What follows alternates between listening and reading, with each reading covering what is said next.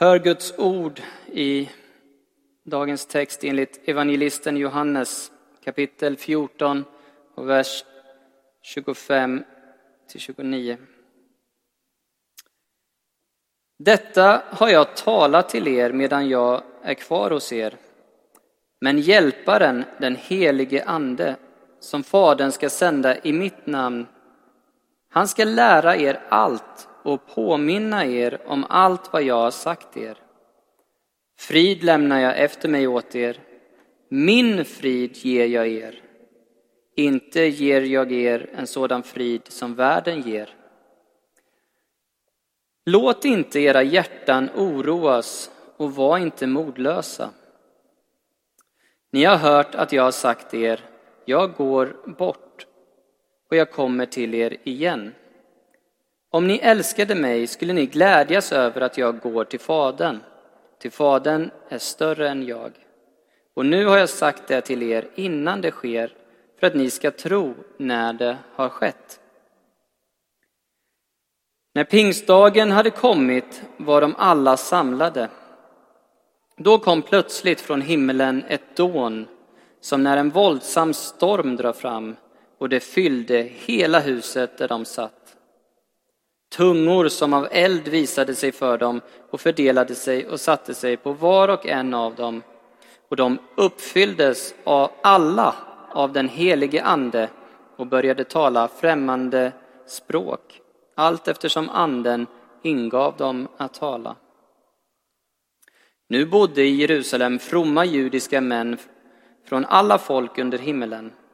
Och när dånet hördes samlades folkskaran och alla blev mycket uppskakade eftersom var och en hörde sitt eget språk talas. Häpna och förundrade sa de, är det inte galileer, alla dessa som talar? Hur kan då var och en av oss höra sitt eget modersmål? Vi som är parter, meder eller elamiter, vi som bor i Mesopotamien, Judeen eller Kappadokien, i Pontus eller Asien, i Frygien eller Pamfylien, i Egypten eller Libyen, åt Cyrene till, åt Cyrene till, eller är inflyttade främlingar från Rom, vi som är judar eller proselyter, kretenser eller araber, vi hör dem tala på vårt eget språk om Guds väldiga gärningar. Så lyder Herrens ord. Gud, vi tackar dig. Varsågod, Linda. Heliga Ande kom är dagens rubrik. I slutet av april så nåddes vi av ett eh, dödsbesked Tim Berling med artistnamnet Avicii hade dött och han var endast 28 år. Och för de yngre generationerna så var han ett välkänt namn. Vi visste alla om honom, följde honom och hans karriär. Och det var så oerhört tragiskt det som hände. Och så här skrevs han, skrev hans familj ett offentligt brev efter att det hade blivit eh, offentligt, hans död. Stockholm den 26 april 2018. Vår älskade Tim var en sökare, en skör konstnärssjäl som alltid burit på stora existentiella frågor. En överpresterande perfektionist som reste och jobbade hårt i tempo som, lede, som ledde till extremt svår stress. Och när han slutade turnera ville han hitta en balans i livet för att må bra och kunna göra det han älskade mest, nämligen musik. Han kämpade verkligen med tankar om meningen, livet, lyckan. Och nu orkade han inte längre. Han ville få frid. Tim var inte gjord för det maskineri han hamnade i. Han var en, ö, en omhudad kille som älskade sina fans men skydde rampljuset. Tim, du kommer för alltid vara saknad, älskad. Den du var och din musik kommer att bära minnet av dig vidare. Vi älskar dig. Familjen. Och många av oss har läst de här raderna innan. Han kämpade verkligen med tankar om meningen, livet och lyckan. Och nu orkade han inte, han ville få frid. Det är ont att läsa de raderna. Idag läste Linus två av eh, veckans kyrkotexter. Den ena som handlar om när Jesus står och talar med lärjungarna. Och så talar han om den frid som han ville ge dem. Min frid ger jag er.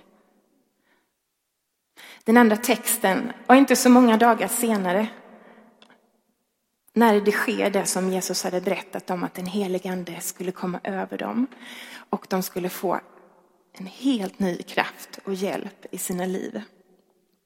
På ett sätt är det väldigt olika texter, men på ett annat sätt så har de verkligen ihop. Den ena handlar om frid, den andra är lite mer dunder och brak, utrustande. Men de hör ihop och det tycker jag är typiskt Gud. Han är liksom både och. Och det vill ju också vara i församlingen, ha ett både och. Och jag ville börja med startpunkten just att få frid med Gud. För det här är ett begrepp som är inte helt enkelt att förklara, men verkningarna är uppenbara. Wikipedia säger så här. Inre frid är ett begrepp som används oftast i religiösa sammanhang som betyder att man har ett inre lugn eller ett lugn i själen. Inre frid används som en motsats till stress och ångest, vilket uppnås genom lugn, självbehärskning, kunskap och förståelse. Men borrar man lite djupare i det här begreppet så ser man att det är ett huvudbegrepp genom hela Bibeln om Guds frid. Jesus beskrivs som fridsfursten. Gud talas om som fridens Gud. De goda nyheterna är ett fridens evangelium och man talar om ett fridsförbund. Så genom hela gamla nya testamentet talades det så mycket om Guds frid. Är ni redo för några bibelord? Det går snabbt. Filipperbrevet 4.7. Guds frid som är mera värd än allt vi tänker ska, ska ge våra hjärtan och tankar skydd i Kristus Jesus. Och i Romarbrevet står det, den som tror på Kristus och därmed är rättfärdiggjord har frid med Gud. I Galatierbrevet så kan vi läsa om hur en av en frukt som man får genom livet med anden är just frid. Och i Johannes 14 och 27 som Linus läste lite senare så står det de här raderna. Frid lämnar jag efter mig åt er. Min frid ger jag er. Inte ger jag er en sån frid som världen ger. Så det är alltså en skillnad på Guds frid och den frid som du och jag faktiskt kan eh, få del av genom, alltså i vår omgivning.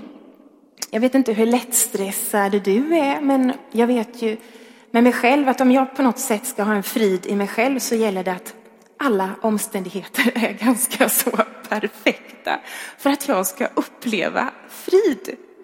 Och den är ganska så kortvarig. Och det är inte så ofta man får till det här för att det är ganska sällan som det scenariot är perfekt i mitt liv. Eh, Guds frid däremot är helt annorlunda. Den verkar inte utifrån och in, den verkar inifrån och ut. Helt tvärtom. Ett sånt där fantastiskt exempel är ju Paulus och Silas när de sitter i fängelset. De sitter och sjunger. De sitter längst in i en fängelsehåla. De har kedjor på sig. De har ingen aning om vad som skulle hända. Och så sitter de och sjunger av hjärtans lust. Snacka om att ha Guds frid på insidan. Jag vet Daniel, du har berättat eh, när din pappa var som sjukast i cancer. Och en kväll när han var några minuter från att dö, enligt läkarna, så märker du på något sätt att du bara blir så uppfylld av någonting. Du känner ett lugn, du känner till och med en glädje och du bara, vad i hela världen, alltså hur kan jag vara glad nu? Min pappa är så nära att dö. Men du upplevde Guds frid så kraftfullt att du till och med bara känner sån glädje. Och det är helt ologiskt.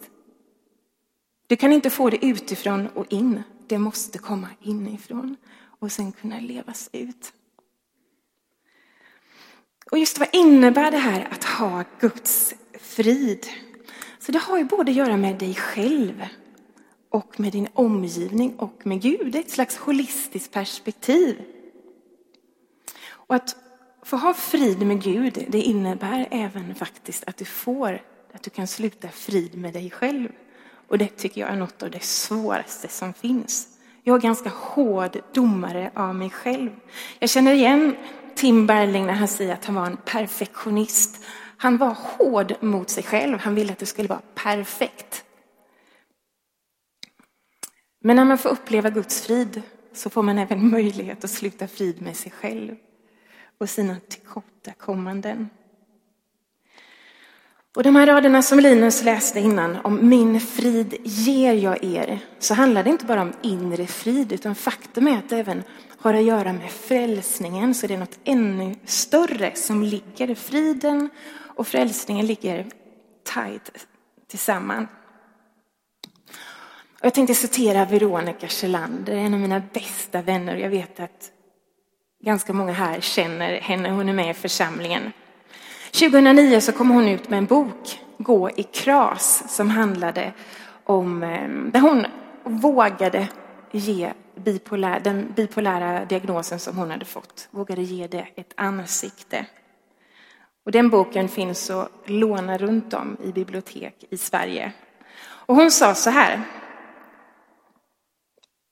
Medan vi lever på jorden är vi inte förskonade från allt som är tufft och ont. Jesus lovade inte att livet skulle vara smärtfritt, men att han skulle vara med oss i allt. Och jag får vila i Guds famn även när livet går i kras. Och det här är en person som sannerligen fått erfara det. När livet går i kras genom en sjukdom, men när hon får uppleva faktiskt Guds frid i den stormen. Och hon berättar, för jag gjorde en intervju med henne här i veckan, för en tidning om psykisk ohälsa. Då berättade hon om sin gudsbild och vad som faktiskt hände med den när hon blev sjuk. För hon beskrev hur hennes gudsbild förändrades. Hon sa att den gamla behövde krackeleras. Den behövde gå sönder. För den var uppbyggd av att så länge jag som människa gjorde allt rätt så var Gud med mig och gav mig solsken. Och ur askan så restes en ny gudsbild en Gud som fanns där för livets alla säsonger. Inte bara när det är vår och sommar och går bra, utan för varje höst och vinter. Han kämpade verkligen med tankar om meningen, livet och lyckan. Och nu orkade han inte längre. Han ville få frid. Gud han är inte ute efter att värva medlemmar. Han är en fridens Gud och han vill att hela hans skapelse, klimatet, planeten där vi bor, alla nationer och varenda folk ska leva i fred med varandra.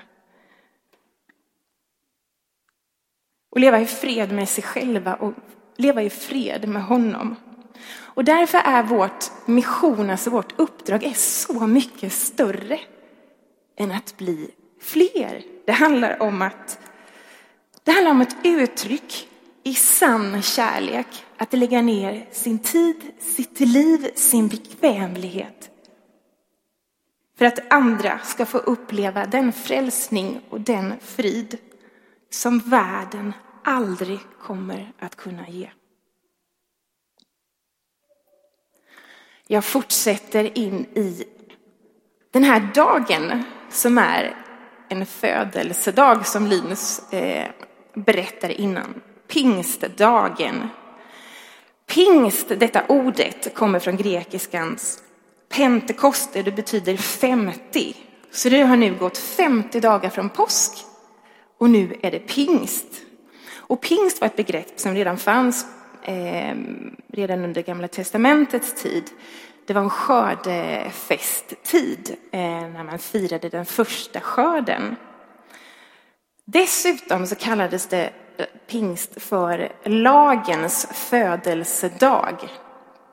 Vad tror ni det handlar om? Man firade att Mose hade varit uppe på berget Sinai och fått ta emot lagen, de tio budorden. Så det firade man.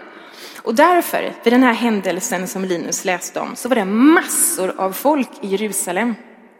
Och det är så häftigt att se Guds timing. Han väljer det tillfället när det är som mest folk i Jerusalem. Det var nämligen så att alla judar behövde vara på plats, alla män.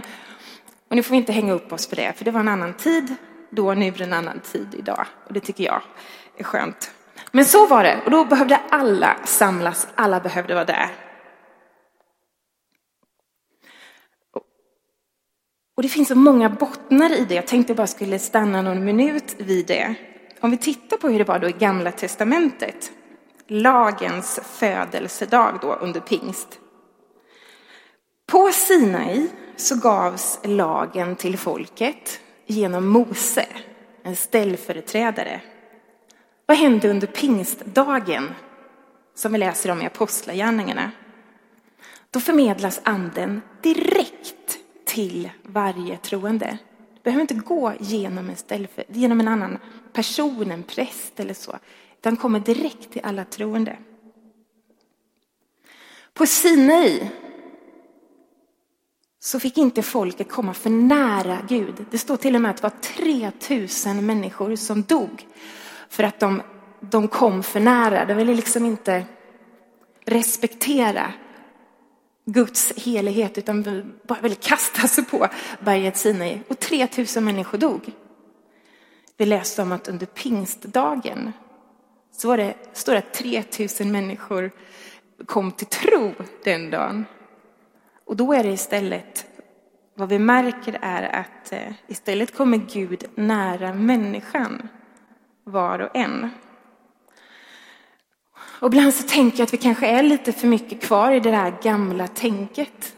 Det gamla testamenttänket. Att vi bara missar vad som faktiskt är tillgängligt för oss idag. Anden har kommit till oss. Gud har kommit för var och en av oss. Och i både vers 1 och 4 så kan vi se när pingstdagen hade kommit var de alla samlade. Alla fylldes av helig ande, alltså varenda troende. Det var inte så här att den tar jag och så kommer jag vid den och så uppfyller jag den och den och den. Utan rubbet, varenda troende blev uppfyllda av Guds ande. Vad säger det dig? Mig säger det att anden finns för alla troende. Det finns inte något undantag. Du är inget undantag. Utan anden vill komma och uppfylla dig, att du får leva i det. Dag efter dag efter dag. Och jag har alltid, eller alltid, alltid, sen kanske 20-årsåldern har jag varit väldigt eh, intresserad och fascinerad och vill, eh, när jag möter människor som verkligen har ett liv med anden och, och uppfyllda. Jag, blir, jag vill bara sitta och höra mer och mer. Jag blir väldigt nyfiken på, på dem. Eh, och jag har väl en egen upptäcktsfärd när jag hela tiden vill komma vidare och upptäcka mer. Och i, när jag var runt 25, känns som ungefär 40 år sedan, så gick jag på bibelskola i Skåne. Och då minns jag att det var en, en person som kom dit och talade. Han var pastor och predikade väldigt mycket. Han var från Storbritannien. Och han stammade något hejdlöst. Men det var inte det som var speciellt med honom, utan det var hans liv med anden. Det var så fascinerande. Och han hade ju självklart massa berättelser. Eh, men jag minns speciellt en berättelse, för han hade en svärmor som inte var speciellt intresserad av det här med tro. Och han och hans fru brukade ofta fråga svärmor om hon inte ville följa med på en gudstjänst. Nej, det ville hon absolut inte. Sen kom hon besök en helg och då kände Ian bara wow. Den här gudstjänsten så vill anden göra något riktigt speciellt och han blev nästan lite nervös med tanke på att svärmor var i huset så han, han sa till sin fru den här gången frågar vi inte svärmor om att följa med utan hon får snällt stanna hemma för jag bara känner på mig att det kommer hända väldigt mycket på gudstjänsten på söndag. Så han sa ingenting på söndag morgon när de skulle åka iväg. Vem kommer inte? Om svärmor i trappan. Stor, från Storbritannien, så hon hade ju stora hatten på dessutom och sa I'm going to church with you.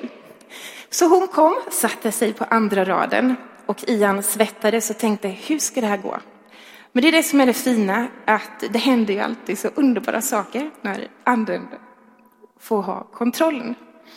Och då ville den helige ande, då sa han till Ian, jag vill hela människor, för det är ganska många som, som, som är sjuka här idag, så jag vill hela dem. Okej. Okay. Men jag vill inte att du ska be för dem, utan jag vill att du använder dig av barnen. Barnen har en sån okomplicerad tro, gör inte så mycket svårare av, av saker. Så Ian sa det, eh, okej, okay, han förklarade. Eh, och så sa han, okej okay, barn, nu vill jag att eh, ni ber, att ni lägger händerna på de ställena där människor är sjuka, så vill jag att ni ber en kort liten bön. Och eh, det var många som hade rest, eh, räckt sina händer, att de hade någon åkomma här och där och axel och det ena efter det andra. Och så släppte han loss barnen i, eh, i raderna. Mängder av människor blev helade. Eh, och svärmor var faktiskt på gott humör när de åkte hem lite senare. Men det var lite sån här berättelse som jag mindes av honom. Utsända på uppdrag med anden. Det är ju varje människa som har en tro på Jesus Kristus. Jag ska kika på de här raderna igen som Linus läste. Det har precis varit ett dån som av en storm, står det. Och sen kommer det tungor som av eld som visade sig för dem och fördelade sig och satte sig på var och en av dem. Kan du tänka dig? Först kommer ett dån som av en stormvind. Se det här framför dig. Sen kommer som flammor av eld som sätter sig så här över människor. Man känner, okej, okay, det är någonting på gång helt enkelt. Och de uppfylldes alla av den helige ande och började tala främmande språk, allt eftersom anden ingav dem att tala. Och Linus gjorde ett bra jobb när det gick igenom alla parter, medel, alemiter och hela, det var alltså många olika folkslag som var representerade där i Jerusalem. Vi vet inte hur många, men det var ett stort antal. Och de säger, vi är judar, vi är proselyter, vi är kretenser, vi är araber och så vidare och så vidare. Men vi hör de här människorna som är troende, vi hör dem tala på vårt eget språk om Guds gärningar. Se vad som händer i texten. Vad är det stora miraklet på pingstdagen? Det är spektakulärt när det börjar dåna som av en storm, fast det inte är en storm på gång. Det är spektakulärt när man ser eldsflammor över människors huvuden. Det måste vi ändå medge. Det är spektakulärt att ett gäng icke-akademiker plötsligt börjar tala perfekt dialekt av helt andra språk som de aldrig har lärt sig. Jag har läst franska i sex år, som jag har jobbat med denna grammatiken. Sen när jag åkte stursk på min första resa till Frankrike, aj, aj, aj, det var inte... Det var knappt att jag blev förstådd efter sex års studier i Sverige. Och de här människorna talade så att alla förstod vad de sa när de talade om Guds gärningar. De fick det på studs genom den helige Andes verk. Det stora miraklet som händer på pingstdagen. Att den helige Ande kommer till alla troende, uppfyller dem och de når ut. De når ut så att alla förstår vad de talar om. Alla förstår storyn de berättar om Guds gärningar. Minns ni Babels torn? En berättelse som nämns i Gamla testamentet om människans eget skrytbygge. Det byggdes ett torn så högt att man ville nå upp till Gud. Och det står beskrivet om hur Gud raserar det här bygget. För han ville inte att människan skulle göra precis som de ville. Och han kommer med en språkförbistring, står det. När människorna slutade kunna kommunicera. Vilket gjorde att de fick lägga av och de kunde inte slutföra verket med Babels torn. Och det som händer på pingstdagen, det är precis tvärtom. Pingsten anses vara en motsats, ett slags upphävande av det som hände i Gamla testamentet med Babels torn. För nu är det kyrkan som är Guds och människans bygge tillsammans. Nu har de ett gemensamt uppdrag. Och vad gör Gud? Han underlättar kommunikationen. Han gör den inte svårare, utan nu är det Gud och människan som gör något tillsammans, börjar bygga församlingen. Och han underlättar kommunikationen så att de når fram med sitt uppdrag. Och jag skrev faktiskt en fråga till oss alla. Skrytbygget Babel. Har du och jag skrytbyggen i våra liv som Gud behöver rasera? Hus, karriär, vad det nu än må vara strävar vi efter skrytbyggen som får oss att känna oss lyckade. Jag skickar med den. Och sen vill jag också nämna vad Tom Wright, en teolog, har, skrivit, eller har sagt just om den helige ande och varför han kom. Med tanke på den senaste generationens begeistring över andliga upplevelser skulle man kunna tro att Gud gett den helige ande till oss för att kunna njuta av den andliga motsvarigheten till en dag på Disneyland.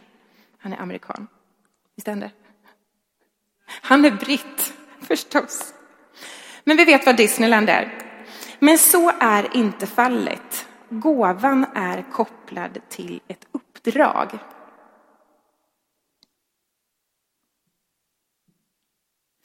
Kan man säga att de lyckades, de här troende som blev uppfyllda av anden på pingstens dag? Vi vet inte exakt hur många de var. Ett par tusen. Lyckades de? Man säger att idag så är var tredje medborgare på den här jorden har en tro på Jesus Kristus. Man kan säga att de lyckades ganska bra med sitt uppdrag. Tack vare att de lyckades så sitter du och här, jag här idag och har en tro. Och du som inte har en tro har alla möjligheter att få upptäcka det. Pingstens stora under var att anden kom och gav dem troende kraft så att de kunde nå alla människor. Och det är min bön att jag när jag möter mina Timberlings i min omgivning att jag ska vara alert och inte vara så upptagen med mitt eget att jag missar att här är en människa som längtar efter frid, kunna sluta frid med sig själv och kunna hitta meningen med livet. Det är ett stort ansvar och det behöver du och jag ta riktigt allvarligt på. Och jag ser något slags kretslopp och jag vill avsluta med detta. Jag talade om Guds frid som Jesus Kristus vill ge till oss så vi kan leva i dag efter dag efter dag. Jag talade om att bli uppfylld, hur anden vill fylla oss om och om och om igen för att kunna leva i det uppdraget där vi är synkade med anden och kan ta det uppdraget på allvar. Att inte bara leva för vår egen lycka utan ge vidare av vad vi har fått som gåva. Men det ser jag som ett kretslopp. Det är inte så här att under fem år så får du uppleva Guds frid, sen går du vidare och så får du bli uppfylld av anden och sen resten av livet så har du ett uppdrag. Utan det här är ett kretslopp jag behöver ständigt komma tillbaka. Gud, nu behöver jag bara rota mig, jag behöver stilla mig. Jag behöver din frid, för nu känner jag hur det bara utifrån pockar på så mycket. Och det gör jag i min hemmiljö, men jag gör det också genom att jag varje söndag går på gudstjänst. Herre, hjälp mig att stilla mig. Och heligande, fyll mig på nytt. Så att jag varje söndag får skicka skickas ut, sändas ut i min vardag. I det uppdraget vi har. Att leva för andra och leva för honom. Vad tar du med dig idag? Skriv gärna ner på en lapp eller i din telefon vad du fick med dig idag av de här minuterna. Lev med i bön. Jesus, hur utmanar du mig? Har jag några skrytbyggen i mitt liv du vill rasera? Hur rotad är jag? Är jag för långt ifrån din frid? Hjälp mig, Herre. Och så vidare.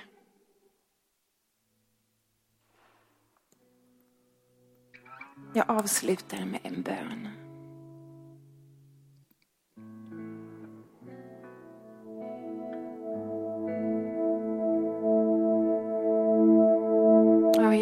Jesus Kristus. Tack Jesus Kristus. Att du återvände inte till himmelen, till Fadern, utan att sända något som du kallade för ännu bättre. Du gav av den helige Ande, Gud själv på jorden, en hjälpare i nöd såväl som i glädjestunder. Och Herre, jag ber för var och en av oss som är här idag. För den som känner dig, för den som vet vem du är. Att du uppfyller oss på nytt, Herre. Uppfyll oss med din helige Ande. Ge oss ny kraft för det som ligger framför och det som vi ligger i, det som vi lever i i vår vardag nu, Herre. Och jag vill också be en bön för den som ännu inte känner dig. För den som kanske bara trillade in här och inte riktigt vet vem du är. Tack att du har gjort dig tillgänglig. Du fader sände din enda son för att vi skulle kunna sluta fred med oss själva och kunna sluta fred med dig. Tack gode Gud att du är en fridens Gud. Tack Gud att du har kallat oss till att leva i fred med oss själva, med varandra och med dig. Och nu när vi snart går in i nattvarden så tackar jag dig Jesus Kristus för att du har gjort dig tillgänglig. Att vi kan få del av dig, kan få bli uppfyllda av din helige Ande. Låt din vilja ske. Låt ditt rike komma. I Jesu namn. Amen.